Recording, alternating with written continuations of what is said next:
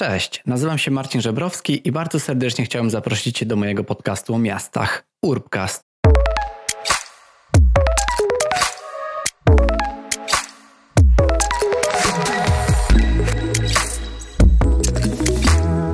Zobacz, że cały czas właśnie tym głównym słowem, które teraz się powtarza, jakby jeśli chodzi o tą odpowiedź, to jest słowo dialog. I to jest coś, czego w Polsce najbardziej brakuje i uważam, że to jest coś, od czego naprawdę powinniśmy zacząć, żeby polepszyć sytuację architektów na polskim rynku, ale też żeby ogólnie polepszyć ten prestiż architektury jako takiej. Dialog. Cześć i witaj w kolejnym odcinku Urbcastu. I dzisiaj będzie odcinek, który będzie kontynuacją rozmowy z wcześniejszego odcinka po polsku, czyli dzisiaj druga część rozmowy z Piotrem Zbierajewskim. Piotr to architekt pracujący na co dzień w Danii, w Orhus, w drugim największym mieście w kraju, wyspecjalizowany w projektowaniu architektury zrównoważonej oraz architektury opartej na optymalizacji efektywności. Jest on także specjalistą w COI, duńskim gigancie inżynieryjno-konsultacyjnym. W zeszłym odcinku porozmawialiśmy o architekturze jako takim zawodzie negatywnej selekcji w Polsce. Bazowaliśmy na artykule o kondycji zawodu architekta, który Piotr napisał jakiś czas temu i który ukazał się w magazynie Architektura i Biznes. I odcinek moim zdaniem był taki słodko-gorzki, bo celem w ogóle tej mojej rozmowy było to, żeby poruszyć ten wątek, taki holistyczny wątek właśnie zarobku w architekturze, ale też kondycji zawodu architekta ogólnie. I Odcinek myślę, że został przyjęty dobrze. Było bardzo dużo odsłuchań, bardzo dużo komentarzy, też pisaliście do mnie, więc wydaje mi się, że możemy być z Piotrem zadowoleni z takiego mm, oddźwięku tego odcinka. Natomiast podzieliłem tą naszą rozmowę na takie dwie części. Ta pierwsza rozmowa, która ukazała się 1 grudnia, to była taka analiza, czyli porozmawialiśmy, bazując właśnie też na tym artykule, o tym, co jest w tym zawodzie nie tak. Jak to się stało i kto jest temu winien? Uwaga, spoiler, architekci, architektki. My sami jesteśmy sobie winni temu, jak ta sytuacja wygląda.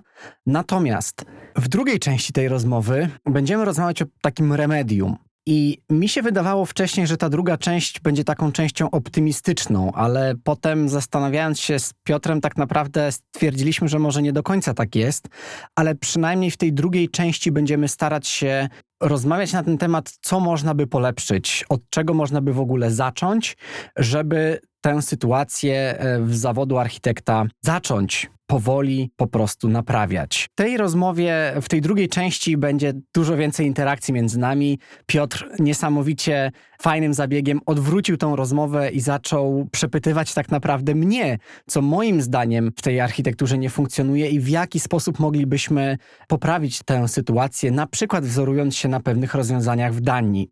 Także koniec końców wyszła nam, myślę, że taka rozmowa, która wskaże może pewne kierunki, natomiast ja ze swojej strony bardzo chciałbym tą drugą częścią rozpocząć albo kontynuować właśnie dyskusję. Nie nagrałem tego odcinka tylko i wyłącznie, żeby go wypuścić i o nim zapomnieć, tylko po to, żeby po prostu wywołał jakieś emocje. Jeśli przesłuchałeś, przesłuchałaś tego odcinka i stwierdziłaś, że nie wiem, coś musisz zacząć robić w tym kierunku, musisz przemyśleć swój wybór odnośnie studiowania architektury, czy po prostu zacząć działać, żeby te warunki w, w tym zawodzie polepszyć, no to bardzo się z tego cieszę.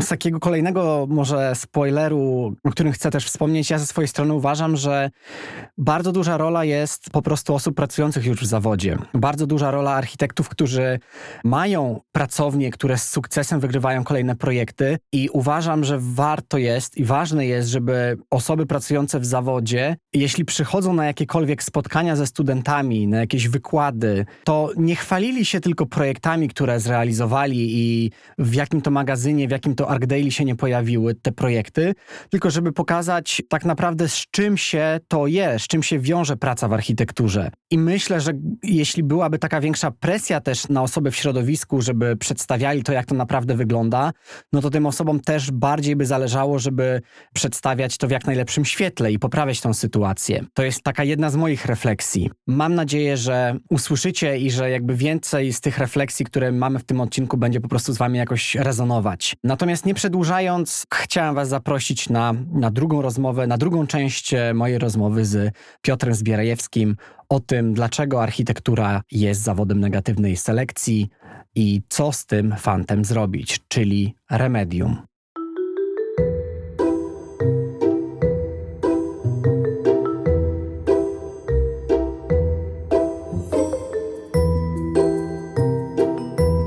Podsumowując już sobie mm, właśnie te doświadczenia z Danii, a także cały artykuł i, i, całą wiedzę i doświadczenia, także wypowiedzi innych architektów, które zebrałeś do tego artykułu, definiując sobie też ten taki główny problem tego odcinka, czyli architekturę stającą się takim zawodem negatywnej selekcji, chciałbym przejść do takiego remedium i zapytać się ciebie o to, od czego w ogóle powinniśmy zacząć, żeby polepszyć sytuację architektów na polskim rynku. To jest tak. Ja się nauczyłem bardzo dużo w ostatnich, w ostatnich pięciu latach w kontekście lepszego zrozumienia tego tak zwanego niedasizmu w Polsce. I w mojej opinii remedium na problemy związane z patologią naszego zawodu w Polsce, każde remedium jest z góry prawie zawsze niestety skazane na, na porażkę.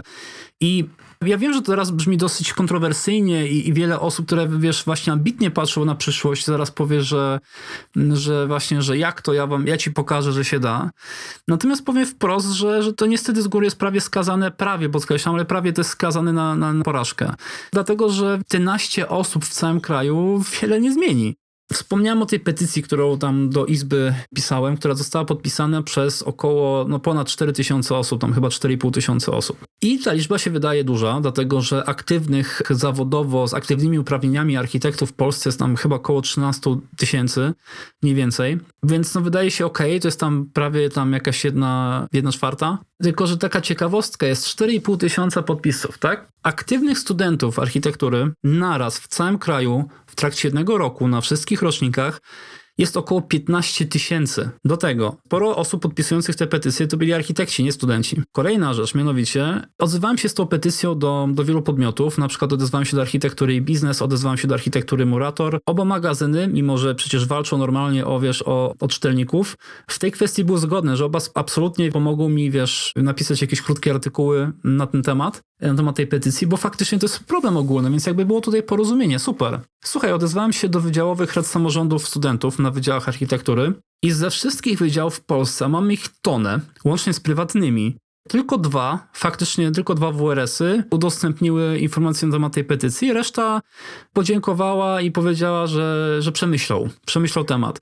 Ja mam takie pytanie, wiesz, do, w takim wypadku, w sensie jeżeli masz proponowaną solucję, jak można zacząć wprowadzać mechanizmy, które kosztem żadnym, zero pieniędzy, zero wysiłku ludzkiego i praktycznie zero czasu poświęconego na to, to jest mechanizm, który naprawdę sam po prostu działa, bo działa, bardzo wolno, ale działa, więc to jest no-brainer, a tymczasem wiesz, no masz, spotykasz się z osobami w naszej branży, osobami, które są jakby zawarte w tej grupie, o której jest mowa w petycji, to te osoby jednak mają to gdzieś, bo podpisali się pod petycją, tak, tak, chcemy zmian, to podpisz się pod petycją, a to, już jest za dużo dla mnie. I żeby nie było, to też jest niedasizm. To jest to, że ludzie, którzy sami chcą zmian i w ogóle nie wiadomo co, są pierwsi do tych zmian, tylko są ostatni, żeby cokolwiek zrobić, nawet jeżeli to jest kwestia jednego głupiego podpisu. I to jest straszne. Tak samo w Polsce, wiesz, obserwuję takie bardzo dziwne sytuacje, kiedy naprawdę są możliwości wprowadzenia jakichś tam innych zmian i podmioty czy osoby zainteresowane tymi zmianami oczywiście są chętne, powiedzmy, żeby pomóc, nie żeby robić, co już też oczywiście trochę stoi w konflikcie, i na przykład okazuje się, że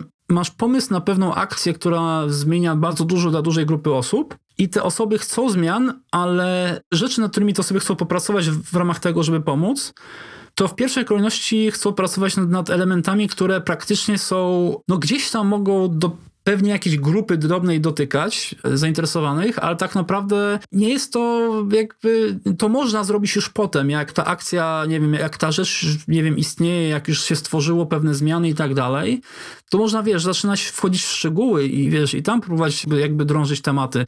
A tymczasem okazuje się, że wiesz, że nagle, wiesz, duże ruchy, że hej, ho, zrobimy duży ruch, ale zaczniemy od naprawdę minimalnej rzeczy, która dotyka małej ilości osób, mało tego jest dosyć kontrowersyjna. Bo część osób się zgodzi, które te osoby to dotyczy, część z tych osób się zgodzi z tym, a część powie, że w sumie to, to jest bez sensu, bo one są nawet przeciwne. Więc to nie jest wysoki priorytet. Inne sytuacje to jest typu wręcz takie podejście, że hej, my chcemy dosłownie wprowadzić rewolucję na takiej zasadzie, że słuchajcie, wy wszyscy jesteście takimi i takimi ludźmi i tutaj wiesz, jakieś różne inwektywy lecą. Jesteście po prostu tacy i tacy. Same przekleństwa. I w związku z tym my robimy rewolucję i my tutaj w ogóle wszystkim wytaczamy działa. Słuchaj, tak to nie zadziała. W sensie nie możesz prowadzić rewolucji, jak to mówisz, ani zmian, jeżeli na dzień dobry, a, wszystkich obrażasz, po drugie, jeżeli robisz coś takiego, że na dzień dobry zakładasz, że wytaczasz działa wszystkim. To, czego mnie nauczył Zachód, to to, że jakiekolwiek zmiany, a zmiany się dzieją, że jakiekolwiek zmiany wymagają przede wszystkim dialogu, rozmowy. Wspomniałem nawet na temat tej sytuacji tam z tym wezwaniem na dywanik w Sarpie, że faktycznie miałem wrażenie, że, że prezes Sarpu starał się załagodzić sytuację, która wyszła trochę dziwacznie publicznie i moim zdaniem zrobił to dobrze. Faktycznie przeprowadziliśmy spokojną, naprawdę zaplanowano spoko- rozmowę, tylko my dwaj, bez żadnych dodatkowych, wiesz, tam osób, tylko my dwaj na, wiesz, na normalnych, dobrych warunkach i naprawdę porozmawialiśmy. To była bardzo ciekawa rozmowa i moim zdaniem to, co nadała, to jest osobny temat, ale chodzi o to, że moim zdaniem tak to powinno wyglądać, że masz generalnie, wiesz, dialog. Więc jeżeli ponownie, wiesz, chcesz zacząć wprowadzać zmiany od hej, po prostu rozwalmy wszystko i postawmy nowe mury, to naprawdę nie zadziała. Nie rzucamy reżimu politycznego, które dławi, nie wiem, cały kraj. To jest coś, co, co dławi nas zawód, ale w ten zawód jest, wiesz, jakby wiele podmiotów jest wchłoniętych w ten zawód i wiele podmiotów współpracuje. Są też podmioty, które zarządzają poniekąd trochę tym zawodem w kraju. I są osoby, które są połączone z tymi podmiotami i nawet jeżeli się zgadzają ogólnie z wizją proponowanych zmian, Jahren to może być tak, że te osoby równocześnie stwierdzą, że naprawdę my się zgadzamy z tym, ale słuchajcie, ale no, tak się nie powinno robić, bo to jednak po pierwsze to nie pomaga, a nawet szkodzi, bo to tylko dolewa oliwy do ognia. To jest raz, a dwa, że to wręcz jest takie z góry działanie typu, że właśnie, żebyśmy polepszyli sytuację na rynku, równocześnie dzieląc ludzi pracujących w naszym zawodzie na jeszcze większe grupy. Rozumiesz, bardziej polaryzując. I to wszystko, o czym mówię, to są moje obserwacje z ostatnich lat, a zwłaszcza ostatnich dwóch lat, gdzie ja uważam, że naprawdę te wszystkie próby wprowadzenia zmian jakichś tam, mniejszych, większych, że to wszystko idzie nie w tę stronę. Wszystkie przygotowania tych zmian robi się albo od końca, albo robi się w taki sposób, żeby w zasadzie pierwszego dnia, jak rusza jakaś akcja czy jakaś próba zmian, żeby pierwszego dnia już było skazane na porażkę. Bo nawet osoby, które są za takimi zmianami, nie podpiszą się nigdy pod formułą, w jakiej to jest robione, w sposobie komunikacji itd., tak itd. Tak ja trochę działałem w ostatnich latach, próbowałem coś tam robić, samemu zaczynać jakieś akcje, e, samemu pomagać w innych akcjach. Zawsze widziałem to jako, jako coś takiego. Masz grupę ludzi, która chce coś zmienić. Super, gratuluję wam inicjatywy, jestem za, super, róbcie to. I te osoby wypalają na przykład coś takiego, że no, to my teraz zrobimy taką i taką rewolucję w taki taki sposób, wszystkim, wiesz, damy po twarzy i jakimś cudem będziemy na on top of this. Ja mam takie, wiesz, podejście typu, w sensie, po pierwsze, jak to ma zadziałać, ale okej, okay, słuchajcie, ja mam taką małą propozycję. Zobaczcie, tutaj na, na chodniku, tutaj leży rozwiązanie. Może nie tyle rozwiązanie, co cały mechanizm gotowy. Jest to mechanizm, nie wiem, z zachodu wzięty. Wiadomo, Polska to jest inny kraj, więc należy takie rzeczy oczywiście, wiesz, dostosowywać do lokalnych warunków, żeby nie było. Nie da się, wiesz, kopiuj w klej zrobić rzeczy. Ale proszę, tu leży sam mechanizm na podłodze. O tutaj, podnieść, po, tu, tutaj, podnieść, po prostu tylko podnieść. I nagle te osoby, wiesz, robią taką akcję pod tytułem, że, że nie. No okej, okay, a dlaczego nie? E, bo nie. No to moment. Chcecie zmian? Tak. Jakich? No takich jak na zachodzie. Okej, okay, to jest mechanizm jak zachodu. Nie, nie chcemy tego ciąg przyczynowo-skutkowy właściwie nie istnieje. I przepraszam, że to mówię, bo to się wydaje być naprawdę brutalne i takie wręcz typu, Jezu, co ten Piotr gada i w ogóle dlaczego taki negatyw? Ale to wynika tylko i wyłącznie z tego, że, że się po prostu tego nauczyłem, że wiesz, że takie ciągłe wmawianie sobie, że będziesz kolejną osobą, która powie, wystarczy, słuchajcie, to się da zrobić. Dam wam pozytywny przekaz, powiem wam, że to się da na pewno zmienić i to pewnie da się zrobić w taki, w taki sposób, taki dosyć ogólnikowy, że nagle teraz po prostu, niech się po prostu architekci lepiej wyceniają, to się zlikwiduje problem. Bo to wiesz, jest bardzo pozytywny przekaz i potem tylko, że takie rzeczy się mówi od, od dekad tak właśnie wyglądają debaty w Polsce, że zero konkretów, zero jakiejś samorefleksji, tylko no w zasadzie wystarczy zrobić bardzo proste kroki i samo się zrobi. No właśnie nie. Okej, okay, no to porozmawiajmy o tym, jak to zrobić. Tylko, że też nie, bo jak już porozmawiamy na ten temat, jak to zrobić, to ludzie, którzy będą to robić, zrobią to dokładnie od, nie tak jak trzeba. Będą super, żeby to wprowadzić i zrobią to wszystko w taki sposób, żeby to wyszło jak najgorzej i jak najbardziej w taki sposób, żeby się jakby wszyscy pokłócili, żeby było jak najwięcej podziałów i tak dalej, i tak dalej. Po prostu wszystko od, od końca. I ponownie, ja wiem, że to brzmi naprawdę kontrowersyjnie, ale po prostu mi się wydaje, że to powinno być takim creme de la creme tego wątku, że to nie jest po prostu zróbmy zmiany, po prostu zróbmy ruch. Tego, że ponownie te ruchy są w większości skazane na porażkę, bo te ruchy chcą dobrze, być może chcą naprawdę dobrze z samego serca, ale te ruchy same robią wszystko, żeby było jak najgorzej i żeby te ruchy natychmiast utopić, żeby to się skończyło zanim się zacznie.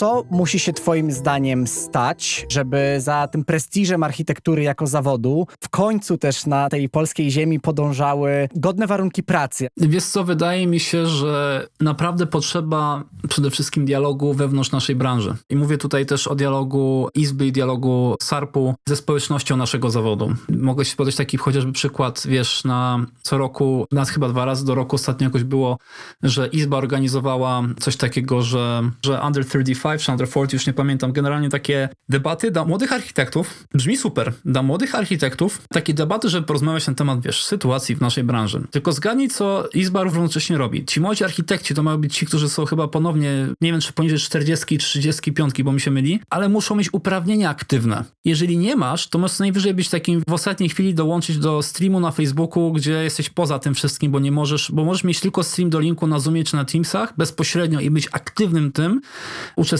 tylko jeżeli masz uprawnienia.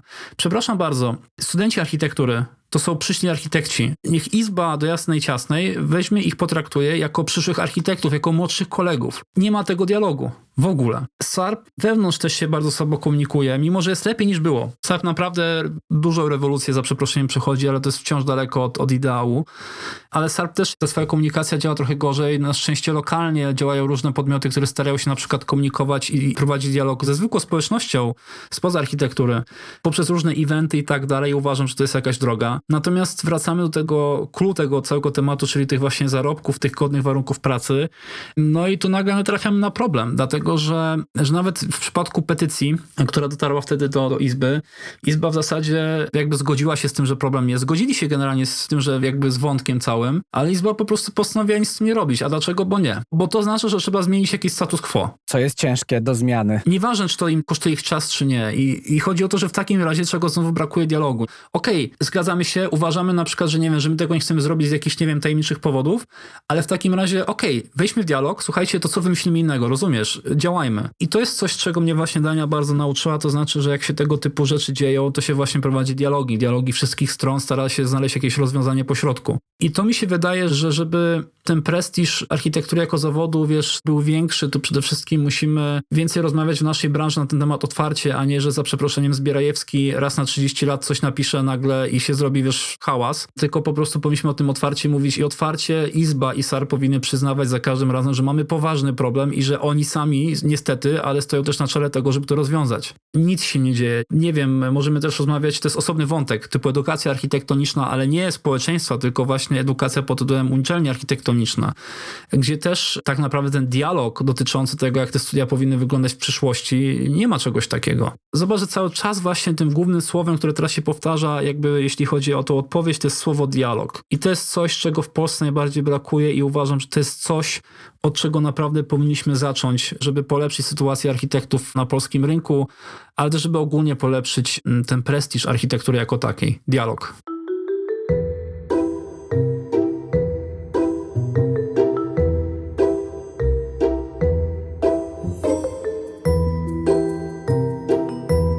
Chciałbym wykorzystać i odwrócić trochę teraz to wszystko. To znaczy tak, ja bym chciał, żebyś teraz ty mi trochę coś powiedział.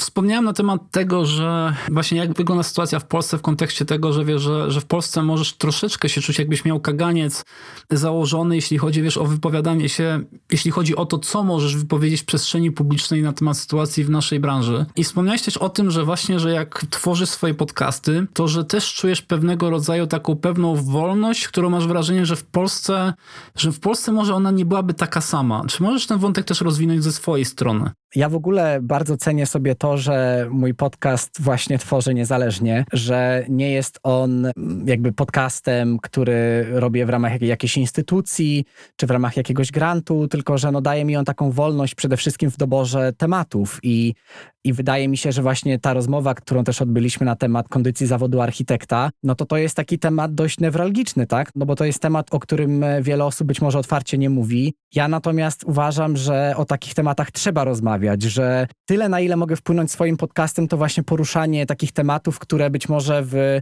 w publicznym dyskursie za bardzo jakoś się nie pojawiają. W ogóle sama idea stworzenia mojego podcastu dotyczyła też tego, żeby popularyzować bardziej tematy związane na przykład z urbanistyką urbanistyką i gospodarką przestrzenną, bo o tyle, o ile o architekturze jednak dyskutuje się dość dużo, no to na przykład już e, skala większa, czyli urbanistyka, a w szczególności gospodarka przestrzenna, to jest temat moim zdaniem całkowicie niedoreprezentowany w, w debacie czy też w internecie. I wydaje mi się, że no, była taka niesamowita potrzeba we mnie, żeby te tematy poruszać, bo pamiętam, że sam będąc na studiach, no brakowało mi czegoś takiego, jakichś takich materiałów praktycznych od osób właśnie w, w tej dziedzinie, które dawałyby jakieś takie światełko nadziei, czy byłyby taką latarnią dla tych studentów, którzy właśnie dość zagubieni są jednak będąc na tych studiach. Czy to właśnie urbanistyka, czy architektura, no to mało tak naprawdę wiesz, co cię czeka w samym zawodzie. I, i pamiętam, że też swoim artykule wspominałeś o tym, że bodajże chyba jedna trzecia osób wskazuje na to, że po studiach musi się w pracowni zawodu niemalże uczyć na nowo, tak? I to wydaje mi się, że to jest naprawdę rzecz, którą studenci czy osoby zaczynające zawód, taki projektowy, no to powinny być tego w jakiś sposób świadome. Stąd też takie poczucie może misji, żeby o tych tematach rozmawiać i stąd też moja chęć, żeby właśnie przede wszystkim skupić się na, na tej kondycji zawodu projektowego w Polsce, bo to jest zawód o no, niesamowitej odpowiedzialności społecznej, też tak jak wspominasz w artykule.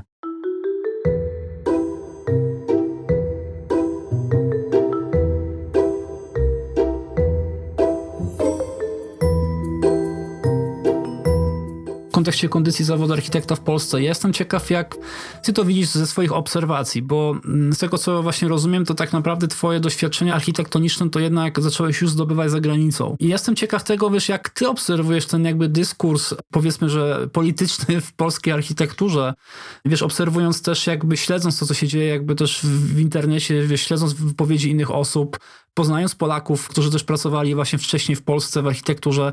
Jak ty na to patrzysz? Jak, jak ty to widzisz? Nie chcę, żeby też to zabrzmiało jakoś właśnie pesymistycznie, ale to często jest taka trochę wyuczona bezradność moim zdaniem, bo bardzo często jak gdzieś tam śledzę ten wątek, to się jakby pojawiają komentarze na temat tego, w jakim stanie ten zawód jest, tak? Pojawiają się gdzieś tam na różnych grupach screeny ofert, tak? Które są uwłaczające i które no niemalże proponują takie warunki, że niemalże się nie da za to wyżyć, a jednak oczekuje się bardzo dużego doświadczenia, bardzo dużej ilości i nakładu pracy. Więc jakby śledząc ten dyskurs widzę, że ludzie się tym dzielą. Świadomość tego, że, że nie jest za dobrze, jeśli chodzi o te warunki, wzrasta. Coraz więcej się o tym mówi, że są jakieś takie właśnie zrywy, żeby na ten temat powiedzieć i spróbować wyjść trochę szerzej, ale koniec końców, że jakby no nie ma tego ostatniego etapu, na którym rzeczywiście to by zaczęło przechodzić w jakiś tryb zmiany. Że to jest tylko takie właśnie bardziej baczne obserwowanie tego, co się dzieje, trochę narzekanie, i że jakby z tym się trochę potem nic nie dzieje, no bo wydaje mi się, że może też brakuje takiej właśnie świadomości, wiedzy, co z tym w ogóle można zrobić i że można oczywiście, tak jak wspominaliśmy, się przebranżowić, ale jeśli ktoś chciałby zostać w tym wewnątrz tego zawodu, to wydaje mi się, że właśnie brakuje mu takiej palety narzędzi, żeby coś z tym zrobić, bo z jednej strony każdy może o tym mówić, ale z drugiej strony nie każdy ma jednak jakąś taką siłę przebicia czy tubę, tak? To jest takim źródłem też tego problemu, tak jak ja to widzę. Wspominaliśmy przed podcastem jeszcze o takim też wątku, mianowicie, że ja się zastanawiam, jak twojej opinii, czy masz pewne takie przemyślenie na temat tego, jak to się mogło stać, że wspomniany przez Mateusza jakby system, że częstuje świeżo upieczonych studentów właśnie tak niskimi zarobkami i warunkami. A pytam dlatego, że wiesz, że jakby z tego, co ja, wiesz, ja widziałem i z tego, co też jakby ja, ja doświadczałem w Polsce, to ja mam wrażenie, że, że w zasadzie pracodawców można podzielić na dwie grupy. Znaczy jedna to jest taka, pierwsza to jest taka, że taki, że taki absolwent, czy świeżo zatrudniony architekt, to też sporo czasu pracodawcy, który no przecież musi nauczyć młodego czy młodą wszystkiego od zera. To jest trochę to, o czym mówiłeś w tych, właśnie wspominając o tych statystykach, że wiesz, 30% uważa młodych absolwentów, że muszą się wszystkiego uczyć od zera. Ale z mojej perspektywy, akurat jak pracodawca to mówi, to moim zdaniem to jest po prostu duży BS. Dlaczego? No bo jeżeli ktoś taki pisze coś takiego, to mi się wydaje w internecie, taki pracodawca, to mi się wydaje, że jest po prostu Januszem biznesu. Bo przecież to nie jest tak, że ci ludzie po sześciu latach naprawdę zupełnie nic nie potrafią. Znaczy, jeżeli jakiś pracodawca trafił faktycznie na takiego pracownika, który naprawdę poważnie nic nie potrafi, to wina leży po stronie procesu rekrutacji. Więc firma powinna zacząć od szukania problemu u siebie, a nie u kandydatów na stanowisko w firmie. Natomiast druga grupa pracodawców, którą pewnie reprezentuje jakieś 80-90% procent pracodawców, to ci, którzy po prostu idą, wiesz, w zaniżenie kosztów swoich usług i po prostu nie stać ich na zatrudnienie na normalnych warunkach, czyli z dobrymi stawkami i umowami o pracę, która, wiesz, nie tylko już jest rzadkością, ale tak naprawdę jeszcze trochę się stanie legendą. Więc problem jest głównie faktycznie systemowy i pracowni, które płacą w miarę ok wynagrodzenie jest kilka na krzyż. I do tego te przeważnie wcale nie są jakimiś największymi firmami, więc ja jestem ciekaw, wiesz, jak ty na to patrzysz, wiesz, jak, jak z twojej perspektywy ponownie widząc ten dyskurs, wiem, ponownie siedząc bardziej za granicą, ale śledzisz ten dyskurs, jak twoim zdaniem, to z twojej perspektywy, z twoich domniemań mogło się stać, że faktycznie ten system jakby właśnie częstuje świeżo upieczonych studentów tak niskimi zarobkami i warunkami? Mi się też wydaje, że jest taki bardzo duży zawód wynikający właśnie z takiej braku e, świadomości tego, z czym ten zawód się wiąże, bo właśnie jest ten taki bias między prestiżem tego zawodu, a tymi regularnymi warunkami, szczególnie na starcie, tak? Że, że ten prestiż mam wrażenie, że on cały czas istnieje, że, że widzi się architektów w golfach, tak? I gdzieś tam prezentujących swoje projekty i, jakby jest mnóstwo studentów, którzy są tym niesamowicie zainspirowani, ale być może no na początku przede wszystkim nie zdają sobie sprawy z tego, że to, że taki architekt prezentując swój projekt jest na tej scenie, to wynika z 10-15 lat no, bardzo, bardzo, bardzo, bardzo ciężkiej pracy. I prawdopodobnie to, że ten architekt na tej scenie stoi i na przykład prezentuje projekt swojej pracowni, to wynika z tego, że on miał też jakby niesamowitą motywację i po prostu nie dał się w pewnym sensie jakby złamać, tak, że dążył do tego i jakby pokonując wiele trudności i wyrzeczeń, doszedł do tego momentu, w którym jest, ale nie jest chyba wystarczająco powszechną wiedzą to, że ta osoba stojąca tam w tym miejscu, na tym powiedzmy w cudzysłowie piedestale, to jest nie wiem ile, jedna na 100, może tysiąc, może więcej, a że jest dużo więcej osób, które jednak nie wytrzymują aż tak bardzo tej presji, tak, przebranżawiają się i kończą z takim albo wypaleniem, albo takim dużym zawodem. Czy na przykład, czy ty byś, tak rozmawiając już kompletnie otwarcie, jakie ty byś może na przykład mógł widzieć, nie wiem, rozwiązania tego, wiesz, tego problemu, tej kondycji, wiesz, zawodu architekta w Polsce? W sensie, co uważasz, że można byłoby zrobić? Raczej uważam, że trzeba byłoby się skupić na jakichś takich ogólnych rzeczach, ale właśnie co twoim zdaniem należałoby zrobić, żeby też właśnie to było, żeby ta sytuacja się polepszyła? Bo wspomniałem właśnie o tym dialogu, natomiast jestem ciekaw tego właśnie, jak ty się na to zapatrujesz, jak z twoich doświadczeń, jak ty widzisz współpracę ogólnie, wiesz, tego typu przy większych, nie wiem, projektach, nie mówię dosłownie architektonicznych, tylko ogólnie. Co należałoby zrobić? Myślę, że też ucząc się trochę z tej sytuacji tutaj w, w Danii, no to kluczowe jest to, że tutaj istnieje coś takiego jak związki zawodowe, tak, które też dbają o to, żeby panowały pewne jakieś zasady wynagrodzeń, tak, jakieś warunki, które po prostu nie można złamać i, i to na pewno daje taką stabilizację, więc ja no, trochę się w pewnym stopniu zasugeruje też tym takim trochę twoim remedium, czyli że powstanie może w pierwszej kolejności jakiejś takiej grupy, która zaczęłaby walczyć. Mówię tutaj bardziej może o grupie biur, tak, które skrzyknęłyby się i zaczęły walczyć o te jakieś takie lepsze warunki. E, może się to wydawać kontrintuicyjne, tak, no bo jeśli polepszenie warunków wiązałoby się z większymi zarobkami dla architektów, no to czemu te firmy miały chcieć by to robić? Ale no z drugiej strony, jeśli myślimy o ogólnym jakby takim zdrowym środowisku, które w ostateczności społeczności przyniesie dużo, dużo więcej korzyści, no to wydaje mi się, że to by była taka rzecz, od której warto byłoby zacząć. Ja w ogóle nie wiem, czemu w Polsce nie ma czegoś takiego, popraw mnie, jeśli się mylę, jeśli coś takiego istnieje, ale wydaje mi się, że nie. Nie ma czegoś takiego jak takich związków zawodowych, które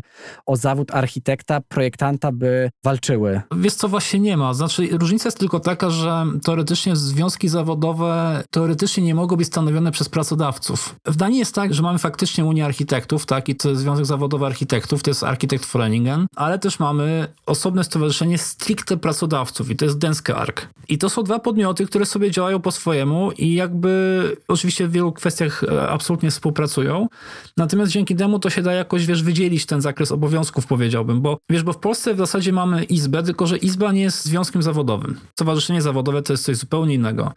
Mamy też SARP, ale SARP to jest właśnie Stowarzyszenie Architektów Polskich, które działa na zasadzie takiego klubu. Nie musisz do tego należeć, nic ci to jakby tak naprawdę to nie jest coś, do czego musisz absolutnie należeć, bo bez tego, nie wiem, nie możesz działać jako architekt. No nie. To jest dosłownie, to wiesz, to działa jako klub, który równocześnie nie może za wiele decydować. No przynajmniej się robi tyle, że chociażby SARP może jakoś tam sędziować konkursy. Ale wiesz, ale tak poza tym to nic więcej. Natomiast właśnie w Danii jest tak, że jakby osobno działa związek zawodowy stricte, który naprawdę, wiesz, jakby walczy o prawa pracownicze wszystkich architektów w kraju, a do tego jeszcze masz podmiot, który stoi po drugiej stronie barykady i też pilnuje tego, żeby te zasady konkurencji i bytu wszystkich pracowni, które należą do tego podmiotu, żeby, wiesz, żeby pewne standardy właśnie kreować, które to standardy są nie tylko jeśli chodzi, wiadomo, o prowadzenie biznesu jako takiego, ale też chodzi właśnie o kwestie związane właśnie z pracownikami. Więc mi się wydaje, że może faktycznie, że w Polsce może brakować tak naprawdę dwóch podmiotów, właśnie dokładnie tych, które są w Danii, czyli Związek Zawodowy i, i Stowarzyszenia Firm Architektonicznych w Polsce. Więc kto wie, może to też byłoby częścią, wiesz, rzeczy, które by można było dołączyć, ewentualnie też jeszcze do tego remedium.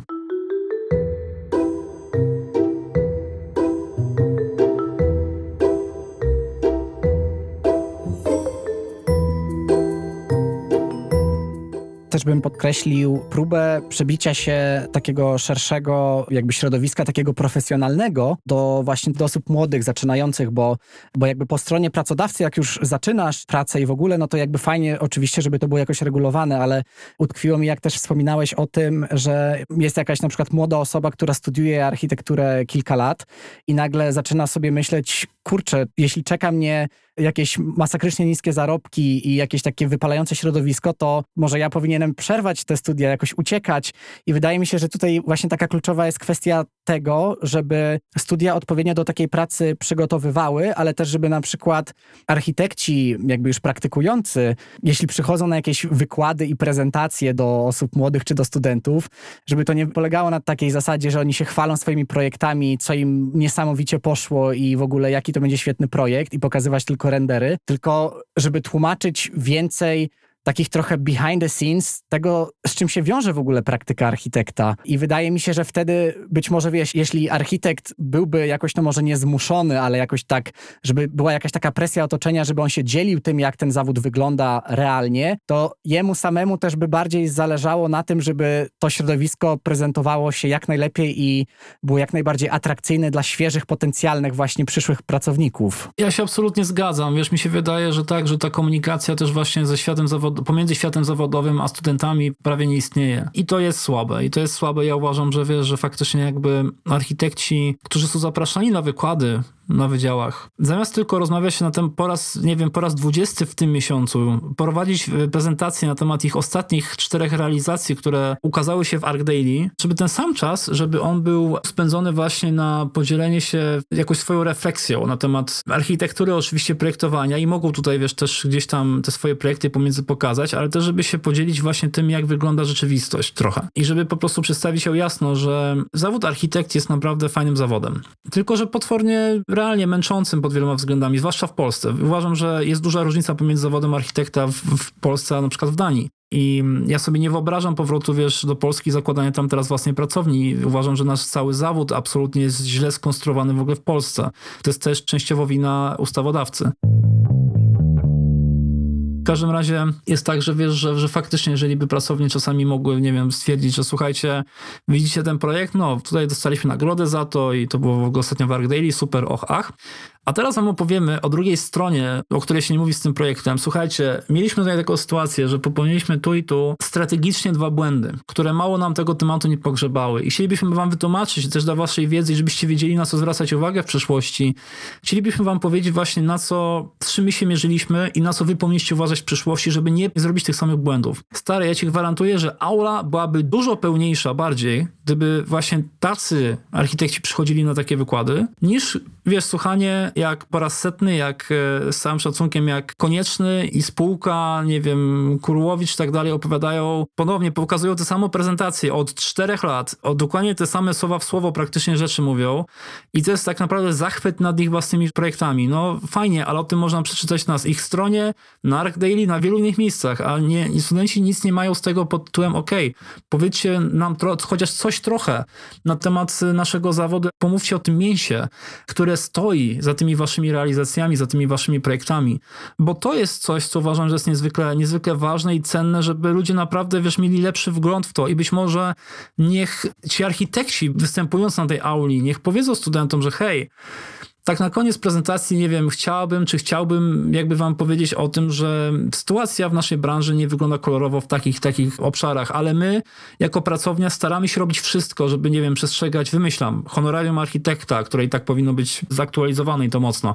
Przestrzegamy tego i tego. Uważamy, że powinno to być prowadzone w ten i w ten sposób, że popieramy to na przykład, żeby połowa osób w komisjach jurorskich konkursów projektowych to były kobiety i tak dalej, i tak dalej. Nie ma żadnego, żadnego sygnału od tych architektów, żadnego sygnału tych pracowni, że hej, wspieramy próbę zmiany naszego zawodu na lepsze. Hej, popieramy takie i takie grupy wśród was młodych, które walczą o to właśnie, o to lepsze jutro.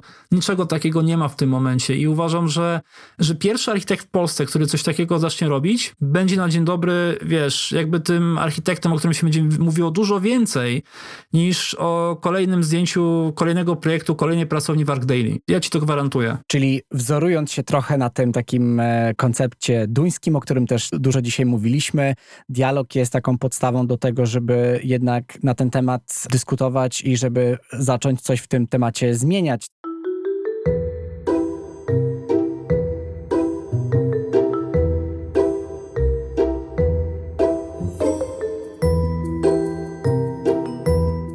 Wspomniałeś też o, o, roli edukacji, której też oczywiście nie można pominąć. I już na sam koniec, jeszcze będąc właśnie przy tym wątku edukacji, chciałem Cię jeszcze tylko poprosić o polecenie książki, którą słuchacze, słuchaczki mogą sobie po tej naszej rozmowie przeczytać i co mam nadzieję też pomoże im w jakimś takim lepszym zrozumieniu tego zawodu. Więc to są mam dwie książki, które mogę polecić, tego samego autora, właściwie jedna z kontynuacją drugiej.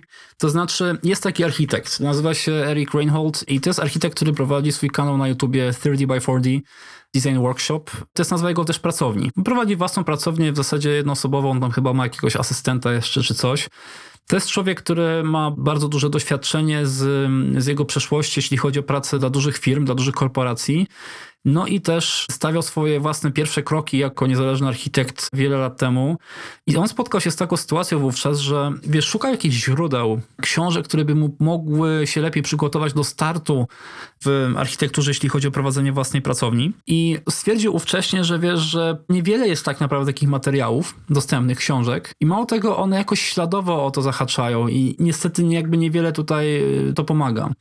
Więc na przestrzeni naprawdę wielu lat, nie wiem, czy 10-15 lat prowadzi chyba może to pracownię, już nie wiem, postanowił, że po prostu w takim razie o wszystkich swoich sukcesach, ale też błędach poinformuje w książce, w sensie, że zrobi dosłownie przewodnik krok po kroku o ogólnych rzeczach, ale też bardzo szczegółowych tego, jak się prowadzi biznes architektoniczny. I dlaczego mam polecić nagle, wiesz, tego typu książki, kiedy mówimy o tych, wiesz, zarobkach, o tych patologiach, o tych warunkach pracy. Wiesz co, to jest świetna książka z dwóch powodów. Po pierwsze, być może część z naszych słuchaczy zamierza w przyszłości założyć własną pracownię. To to jest świetna, tak jakby Biblia dosyć istotnych informacji pod tytułem na co zwracać uwagę i to są informacje, które są uniwersalne na całym świecie. One częściowo mogą się wydawać ogólne, ale on potem podaje szczegółowe przykłady i nagle zaczynasz bardzo szczegółowo właściwie widzieć dosłownie swój biznesplan. No to jest świetne. Ale druga strona tego kija to jest to, że ludzie, którzy przeczytają te książki, zaczną być może widzieć pewnego rodzaju właśnie problemy w polskich pracowniach, jeśli chodzi o modele biznesowe. I to część z tego to jest też właśnie temat zarobków, dlatego że jeżeli ci w Polsce mm, architekt w pracowni powie, że wiesz, ja nie mogę po prostu zaproponować wyższej stawki, bo nie wiem, bo pójdą mi do konkurencji albo nikt tego nie weźmie, jeżeli to jest odpowiedź, to oznacza, że ten architekt po prostu słabo się sprzedaje, że może ma jakiś model biznesowy, tylko że nie wie, jak ten model biznesowy sprzedać w ogóle. I po tych książkach tak naprawdę można zrozumieć to, że jak się pracuje w takich pracowniach, to można zacząć pewnego rodzaju problemy widzieć, właśnie które wynikają z tego, że te osoby pewnych, czy te pracownie pewnych jednak rzeczy naprawdę nie ogarniają, mimo że są na przykład już od 10 lat na rynku, czy od 15, czy od 20 nawet. Więc to pozwala jakby włapać być może też część mechanizmów, które stoją za częścią tych patologii, o których mówiliśmy. I jedna z tych książek to jest Architect and Entrepreneur i to jest A Field Guide to Building, Branding and Marketing Your Startup uh, Design Business Business. I to jest pierwsza książka, druga, która jest za tym, to jest e, Architect and Entrepreneur, A How to Guide for Innovating Practice, Tactics, Strategies and Case Studies in Passive Income. Więc ponownie to może się przydać tym osobom, które wiesz, myślą gdzieś tam o założeniu własnej pracowni, ale ponownie to naprawdę też pozwoli zrozumieć to, na co pracownia powinna zwracać uwagę, żeby miała szansę faktycznie odnieść trochę większy sukces. Jedno, ale to może trochę gorzej pasować może do naprawdę dużych korporacji, bo to trochę, wiesz, też wchodzimy w trochę inną skalę i trochę i naprawdę inne modele biznesowe, ale uważam, że tak ogólnie to są naprawdę bardzo ciekawe książki, bardzo fajnie napisane, bardzo fajnym językiem, powiedziałbym wręcz, że dos dosyć młodzieżowym i jest tam dużo, wiesz, autorefleksji i autokrytyki i to jest coś, czego ja uważam, że w ogóle brakuje w rozmowie architektonicznej, w Polsce zwłaszcza, ale nie tylko, ale w Polsce zwłaszcza, że jakby ciągle się skupiamy na sukcesach i zdjęciach z Arc Daily, inwestycji, a nie mówi się o tym, że wiecie co, drodzy studenci, to teraz wam opowiem o tym, jak was w zasadzie praktycznie prawie, że straciliśmy projekt przez bardzo, bardzo głupie decyzje. Więc on tam nie ma jakby, tam nie masz filtra. On tam normalnie się też dzieli takimi rzeczami i, i wspomina na przykład jasno, gdzie po prostu miał naprawdę fatalnych klientów, ale nie do końca z ich winy, tylko właśnie z jego winy, że on niestety sam sobie zbudował tak fatalnych klientów. Ja z pewnością sam sięgnę po tę pozycję, bo bardzo mnie interesuje właśnie taka biznesowa strona architektury i w tym jakby temacie też bardzo polecam e, książkę, którą mi e, z kolei polecił wspomniany na początku Mateusz Mastalski.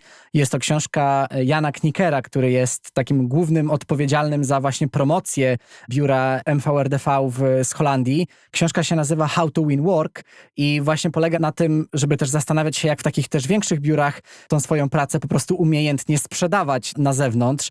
I myślę, że, że to jest bardzo właśnie kluczowe. Na koniec, żeby wspomnieć o tym, że ważny jest ten dialog i ten też taki employer branding w, wewnątrz naszej tutaj dziedziny. I mam nadzieję, że ta rozmowa też dużo wiedzy na ten temat Wam, słuchaczom, przyniosła.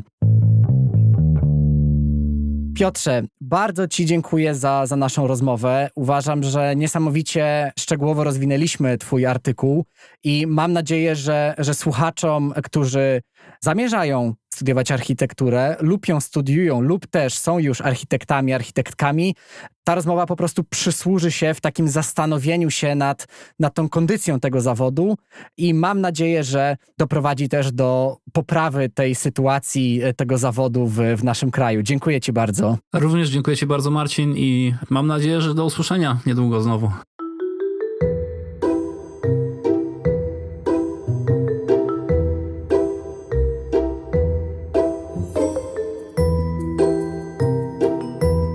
Dziękuję Tobie bardzo za to, że dotrwałeś, dotrwałaś do tego momentu i że przesłuchałaś tą rozmowę, przesłuchałeś tą rozmowę do końca. Jeszcze raz podkreślę, że mam nadzieję, że ta rozmowa, ten odcinek wywołał w Tobie jakieś emocje i rezonuje z Tobą czy to pozytywnie, czy to negatywnie. Jeśli zainspirowała Cię ta rozmowa do czegoś, czy do tych działań, o których mówi Piotr, czy do tych działań, o których wspominam ja, czy może zupełnie do czegoś innego, to będę bardzo wdzięczny, jeśli się tymi swoimi przemyśleniami podzielisz, no bo tyle, na ile mogę wywołać podcastem dyskusję, to bardzo chciałbym to zrobić. Dlatego mam nadzieję, że ta dwuczęściowa rozmowa z Piotrem to jest tylko taki punkt wyjściowy do tego, żebyśmy tym tematem wspólnie, jako taka społeczność, zebrana wokół projektowania w Polsce, żebyśmy po prostu ten temat rozpoczęli. I chciałem podziękować Tobie za wysłuchanie i chciałem też powiedzieć, że jeśli ta rozmowa Ci się podobała, to będę bardzo wdzięczny, jeśli podzielisz się nią ze znajomymi, może masz znajomych, którzy studiują architekturę albo ukończyli architekturę i na przykład przestali być w zawodzie, to myślę, że dla nich ta rozmowa byłaby też świetnym e, sposobem do zreflektowania się, czy zrobili dobrze, czy źle. A dodatkowo, jeśli daje Ci wartość to, co robię i, i ta rozmowa Ci się podobała, to będę bardzo wdzięczny, jeśli wesprzesz moją działalność dowolnie wybraną przez siebie kwotą na serwisie Patronite pod adresem patronite.pl łamany na urbcast. Dziękuję Ci bardzo i do usłyszenia.